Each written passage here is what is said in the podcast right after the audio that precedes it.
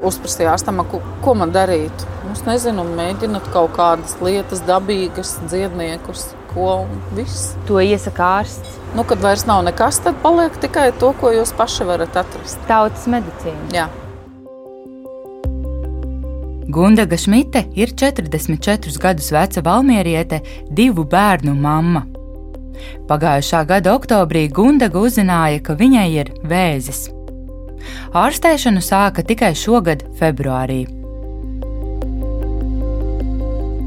Četrus garus mēnešus Gundaga pavadīja staigājot pa onkoloģijas pacientiem radīto it kā prioritāro zaļo koridoru. Vīlusies un neatbalstīta. Es kā pacients neinteresēju. Arī vispār absolūti nemaz.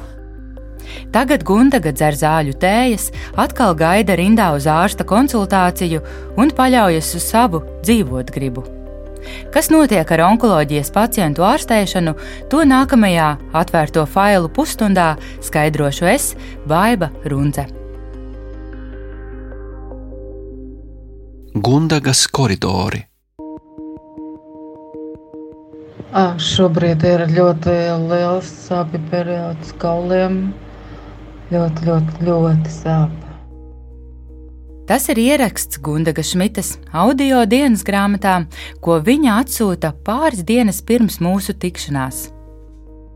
Sanāk tā, ka es zaļoju sevi un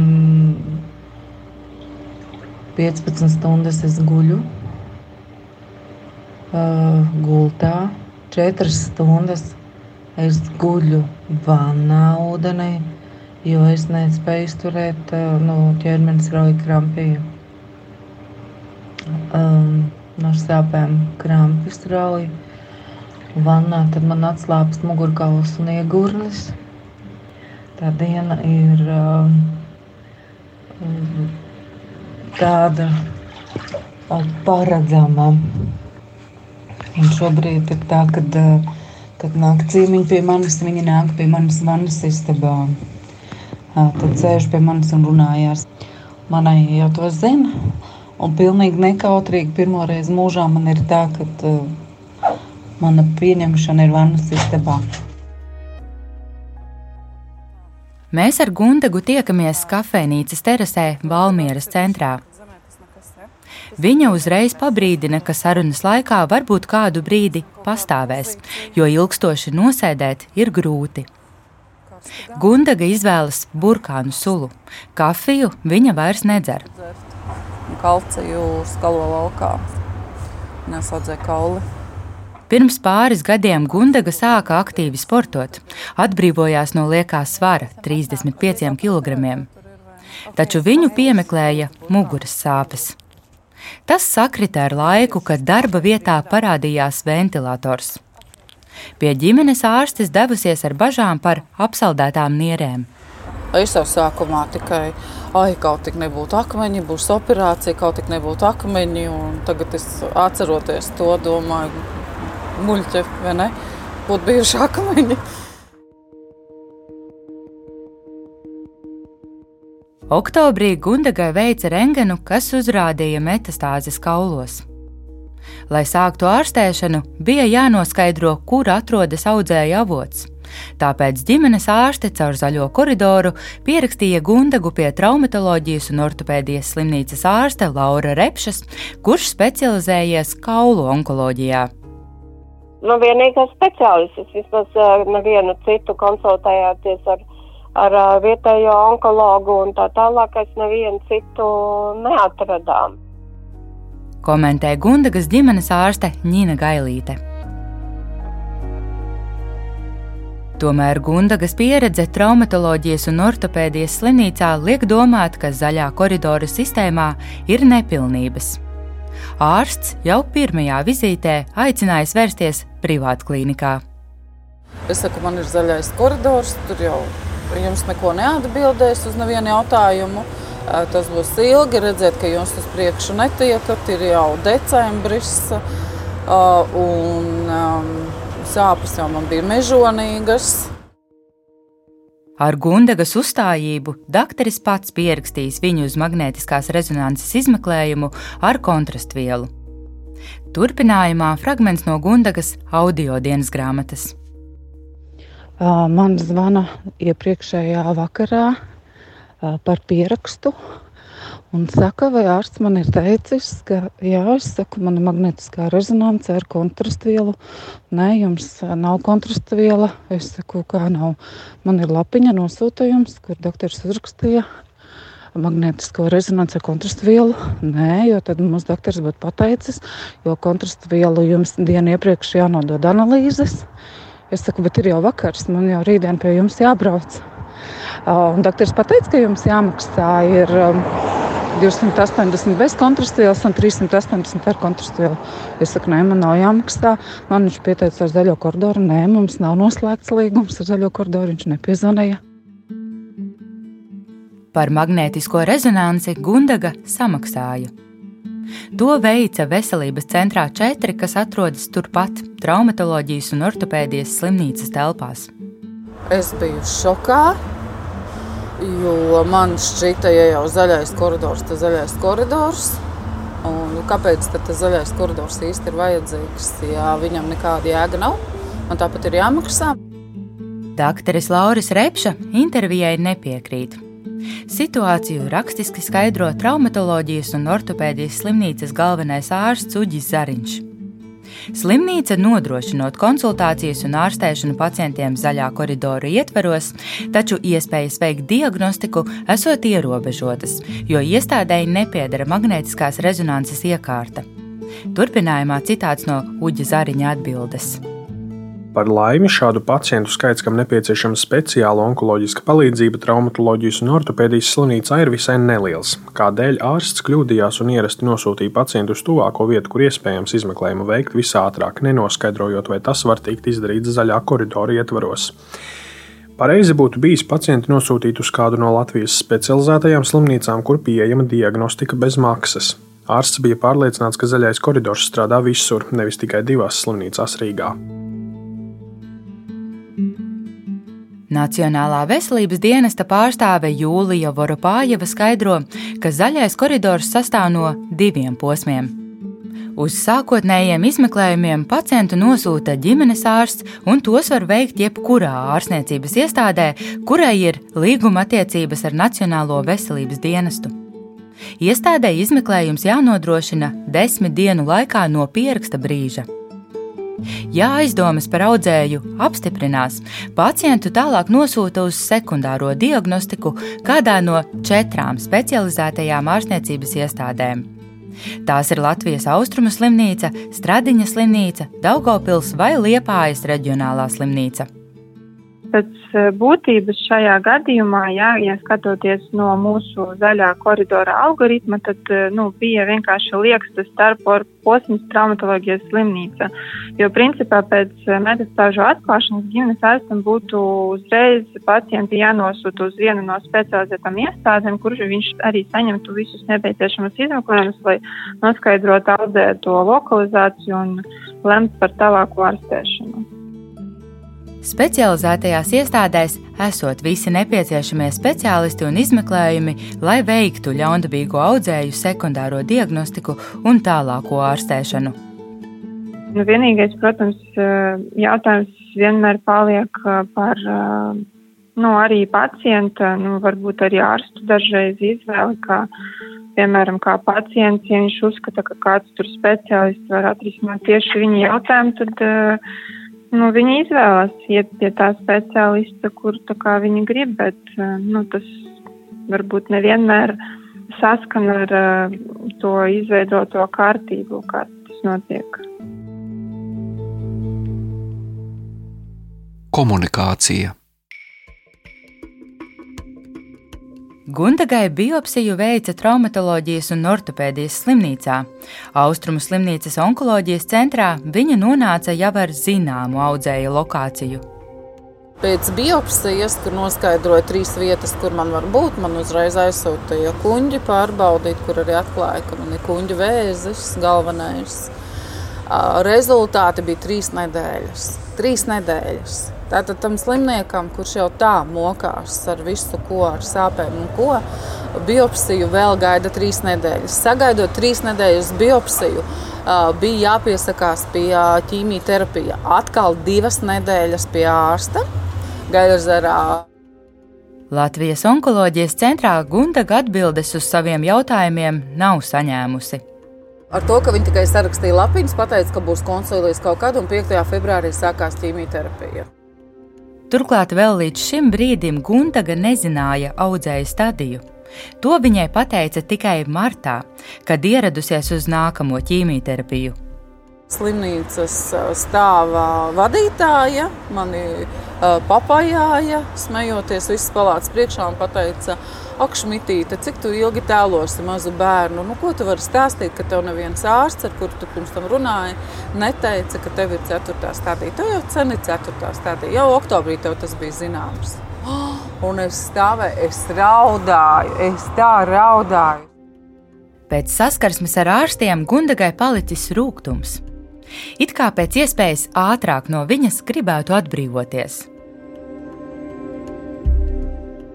Latvijas onkologu asociācijas prezidents Jānis Eglītis to komentējot norāda uz vizītes ilgumu, kas Latvijā ir 15 līdz 20 minūtes. Turklāt nereti aiz durvīm gaida vēl pārdesmit pacientu.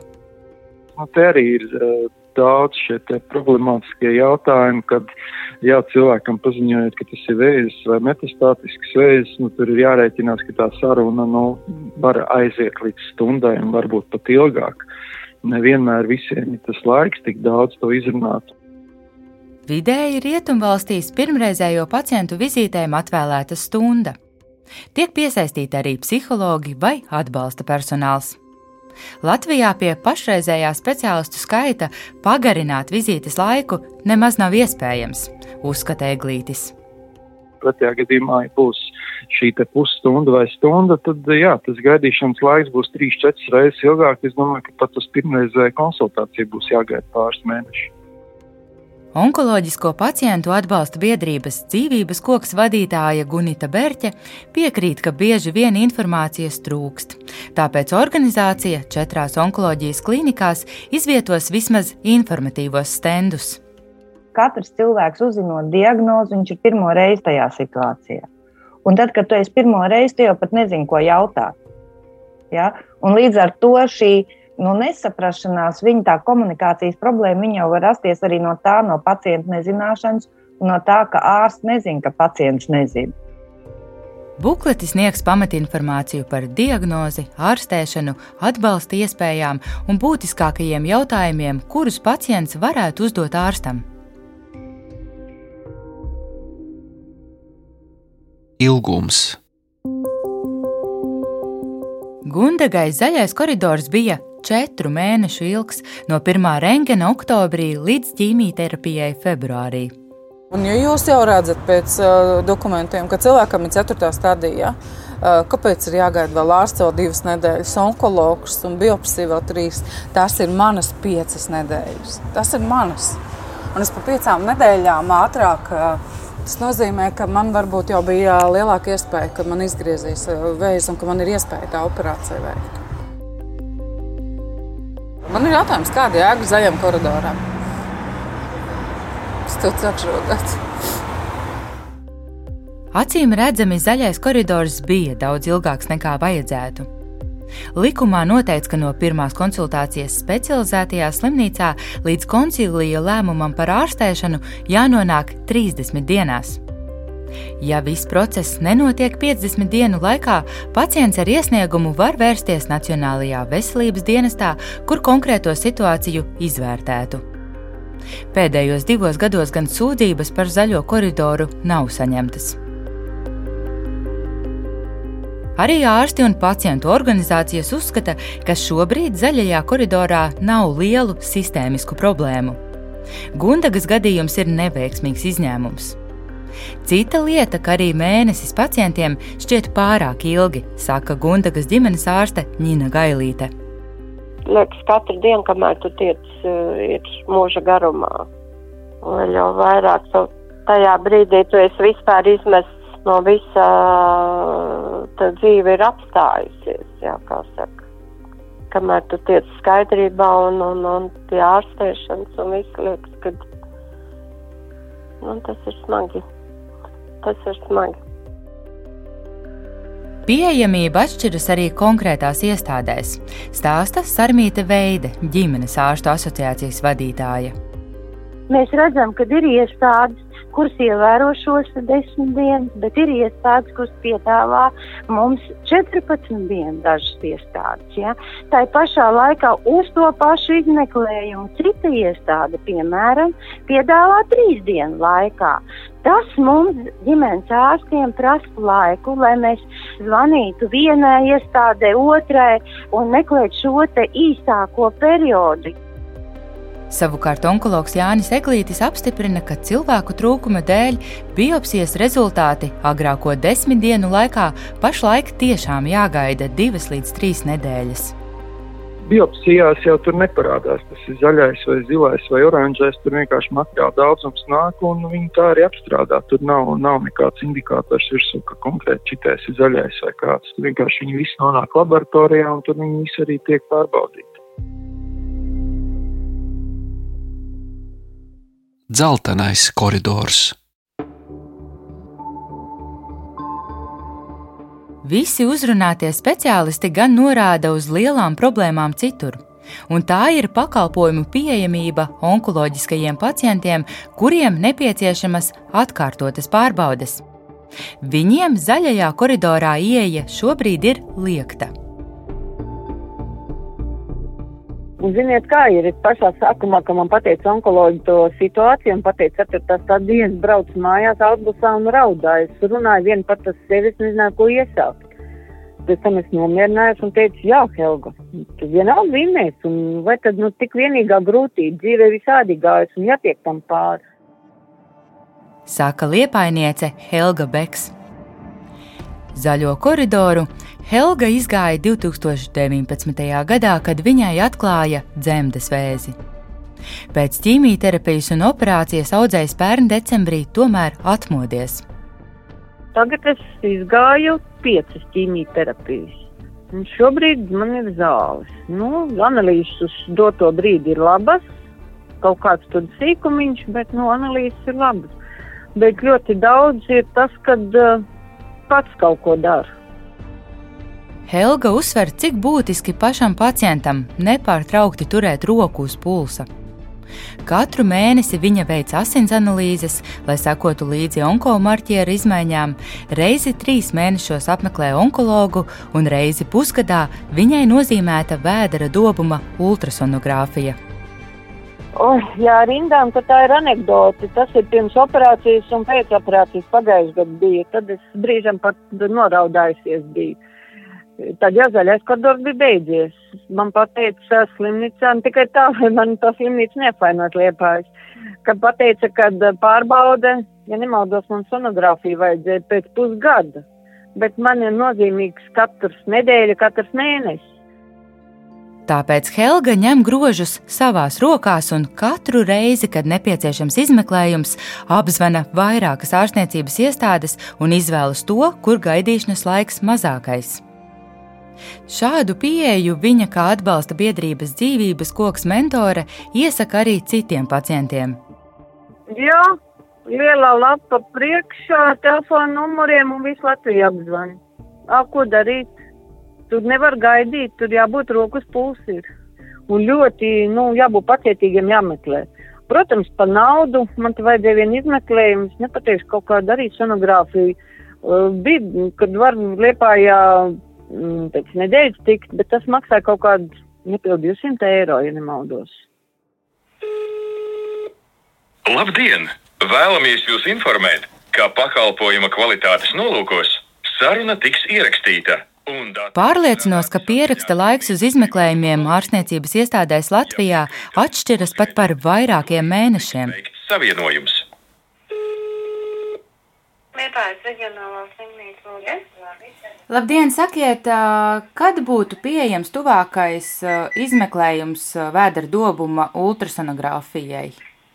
Kāds 6-7 mēneši. Jūs esat piezvanījis Ventspils slimnīcai. Tad dakteris Prīmā, kas jūlija mēnesis pa valsts naudiņu? Labdien! Vidzemes slimnīca. Jā. Kad var tuvākajā laikā uz vēdera dobumu ultrasonogrāfiju pierakstīties? Uh, ultrasonogrāfijā mums ir decembrī pieraksts. Jūs esat piezvanījis Reizeknes slimnīcas reģistratūrai. Ultrasonogrāfija vēderam, ja? Jā. Šobrīd tikai gaidītāju rindā varam piefiksēt jūsu datus. Rinda aptuveni pa divi mēneši. Savukārt Rīgas Austrumu Kliniskās Universitātes slimnīcā iespējams pierakstīties augustā. Veselības centru apvienība piedāvā vienu brīvu vietu septembrī, bet Rīgas pirmā slimnīca tikai iespēju stāties gaidītāju rindā. Gaidīšanas rinda 3-4 mēneši. Latvijas onkologu asociācijas prezidents Jānis Eglītis stāsta, ka pie šīs problēmas visticamāk jau būtu ķērušies klāt, ja pasauli nebūtu apturējusi Covid pandēmija. Tur ir jābūt kaut kādiem indikatīviem uh, rādītājiem, marķieriem, kuru gadījumā tad ir jādod šis prioritārais uh, piekļuves ceļš izmeklējumiem un arī piekļuvē speciālistiem, jo, teiksim, slimības atkārtošanās gadījumā tas ir vēl būtiskāk. Vasaras sākumā publiskajai apspriešanai nodots jauns onkoloģijas plāns turpmākajiem trīs gadiem. Šodien jūs esam aicinājuši uz tikšanos, lai pastāstītu plašāk par veselības aprūpas pakalpojumu onkoloģijas jomā uzlabošanas plānu. Tas sola modernu pieeju ārstēšanai un uzlabojumus jomās, kas pašlaik nestrādā. Piemēram, radīt dzelteno koridoru onkoloģijas pacientiem, kuriem vajadzīgi atkārtot izmeklējumi vai slimība atgriežas. Arī nodrošināt psihoemocionālo atbalstu. Skrīnings. Onkoloģisko pacientu atbalsta biedrības dzīvības koks vadītāja Gunita Berķe vērš uzmanību uz skrīninga atsaucības lielo kritumu pandēmijas laikā. Latvijā jau tāpat salīdzinoši maz cilvēku aiziet uz skrīningu, līdz ar to vēzi atklāja novēloti, bet pandēmija situāciju pasliktinājusi. Piemēram, uz krūts vēža izmeklējumiem pirms pandēmijas aizgāja ap 40% aicināto sieviešu, bet pagājušo gadu pārbaudījās tikai nepilni 30%. Par to visā Eiropā sita gongus, jo šis krūts vēža skrīningi ir katastrofāli kritušies visās Eiropas Savienības dalību valstīs, kurās ir šīs skrīninga programmas, arī tajās, kur līdz šim viņas ir bijušas daudz maz efektīvas jo cilvēki vienkārši baidās iet uz tiem skrīningiem un neiet. Laicīga diagnostika ir viena no būtiskākajām jaunā onkoloģiskā plāna sadaļām. Veselības ministrijas galvenais onkologs Jānis Eglītis piekrīt, ka skrīninga rādītāji ir uz pusi mazāki nekā tiem vajadzētu būt. Tuvākajā laikā Eiropas vadošie eksperti veiks skrīninga programmas auditu un sniegs rekomendācijas, kā to uzlabot ko mēs redzam, kur ir tie veiksmes stāsti, vai tā ir Slovenija vai Nīderlande. Pēc būtības ir jābūt nu, konkrētai iestādē, kas atbild ne tikai par vēsturu uzaicinājumu nosūtīšanu, bet arī par šo izmeklējumu veikšanu, par viņu kvalitāti, par atgādināšanu un tā tālāk. Nu, mums līdz šim tādas struktūras nav bijis, jo faktiski NVD aprobežojās ar vēsturu izsūtīšanu, attiecīgi kādi reģistrē šos rezultātus, bet kaut kāda padziļināta analīze un atkārtot uzaicināšanu, kas tāds nenotiek. Latvijā šobrīd pieejami četri valsts apmaksāti skrīningi - krūts, dzemdes kakla un zarnu audzēju skrīningi, un šogad ieviest arī profilaktiskā pārbaude prostatas vēža noteikšanai.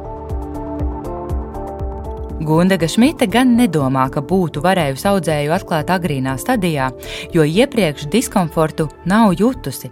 Kuņģa vēzis esot klusais slepkava. Man ir aizgājis uz plaušām, uz aknām, metastāzes, asinīs ir aizgājis arī līdz tiem kauliem visur. Tāpēc man ir ceļgalā, plecā, pirkstos, pēdās, visur, kur ir audzējis. Un um, visā, visā ķermenī jo viņš ir pūku veidu. Ja man būtu bumbulis, tad varbūt man būtu ātrāk atklāts, ka man sāpētu tas kuņģis. Man kuņģis nesāp, jo tur ir pūkas. Onkologs Jānis Eglītis piebilst, ka lielākajai daļai audzēju sākotnējās izpausmes ir ļoti nespecifiskas, un pacientam sūdzības rodas tikai tam izplatoties. Nu, manuprāt, reizes gadā nu, tā pati ultraskaņa vēdera dobumam un kaut kāda ir šī onkoloģiskās modrības anketa pie ģimenes ārstiem, to varētu aizpildīt, kur attiecīgi atzīmē par šīm sūdzībām, kas varbūt arī ir nespecifisks, kaut kāda apetītes pazeminājuma, tur svarā krišanās vai, vai kaut kādas sāpes un tam līdzīgi. Bet nu, nav īsti garantijas, jā, ko varētu rekomendēt, lai tā nebūtu. Nu, tad bezmaz vai jātaisa magnetiskā rezonanse visam ķermenim katru gadu, bet tas man liekas īsti nav iespējams un nav arī normāli. Medikamenti Inovatīvo medikamentu pieejamības ziņā Latvija krietni iepaliek no Eiropas Savienības valstīm, arī tuvākajiem kaimiņiem Lietuvas un Igaunijas. Mums ir garākais laiks līdz onkoloģijas zāļu pieejamībai - 981 diena kopš reģistrācijas Eiropas zāļu aģentūrā. Salīdzinoši Dānijā tās ir 86 dienas. Jaunajā onkoloģijas plānā šoreiz lielākais finansējums paredzēts tieši medikamentiem. Man liekas, ka, ja mēs domājam par ilgtermiņa risinājumiem, tad mums daudz, daudz vairāk ir jā, jātiecās uz riska faktoru ierobežošanu, samazināšanu un agrīnu diagnostiku, ka tas būs, nu, teiksim, globāli, valstiski un arī ekonomiski daudz, daudz ienesīgāks pasākums nekā tērēt visus pēdējos medikamentos. Vai onkoloģijas plānu vispār iedzīvinās, tas atkarīgs no finansējuma, ko piešķirs valdība rudenī dalot budžetu. Šogad onkoloģisko slimību ārstēšanai atvēlēti 109 miljoni eiro. Lai izpildītu onkoloģijas plānu, budžets būtu jādubulto. Veselības ministrs sola, ka onkoloģija būs viena no viņa prioritātēm, bet Jāņa Eglīša balsī jūtama skepse, jo medicīnā prioritāšu ir daudz. Epilogs Kamēr par plānu vēl tikai spriež, Gundaga lieto precāpju zāles un prāto, vai ātrāk sākot ārstēt, viņas stāvoklis būtu labāks. Viņa jau sev sarunājusi mācītāju no vietējās luterāņu draugas. Ja kaut kas ar maniem noteikti tiks smags un uh, es ļoti strauji jāizlēju, tad lai viss, viss ir gatavs, viss ir sakārtots. Man tomēr arī maza meitiņa ir un puikam tur būs 18, tas jau ir savā dzīvē. Bet, uh, Cik meitiņai ir? 8. Meitiņa ir maza. Viņai vēl to mammu ļoti, ļoti vajag. Par Gundagas meitu parūpēties jau apsolījusi māsa. Es jau apradusi ar situāciju. Vienīgais ir tas, ka man lielākā mūža daļa ir pagājusi bez, bez drauga, bez vīrieša. Man liekas, ka es nevaru atrast mīlestību savu. Un, un oktobrī es iepazinos ar puisi fantastisku. oktobrī? Jā. Dievs man atsūtīja lielisku vīrieti ļoti, ļoti lielisku. Un, uh,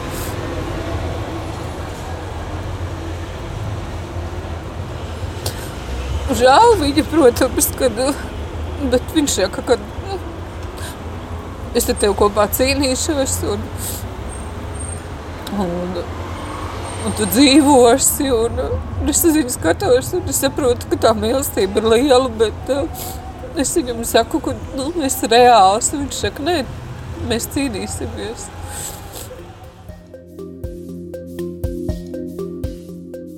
Pagaidām Gundaga padoties negrasās. Visvairāk viņa baidās palikt guloša un kopjama. Nu, tad, viss, tad, tad es saku, ka viss. Tad es padodos. Tad es padošos. Raidījumu veidoja Baiva Runce, Anita Brauna un Reinis Budze.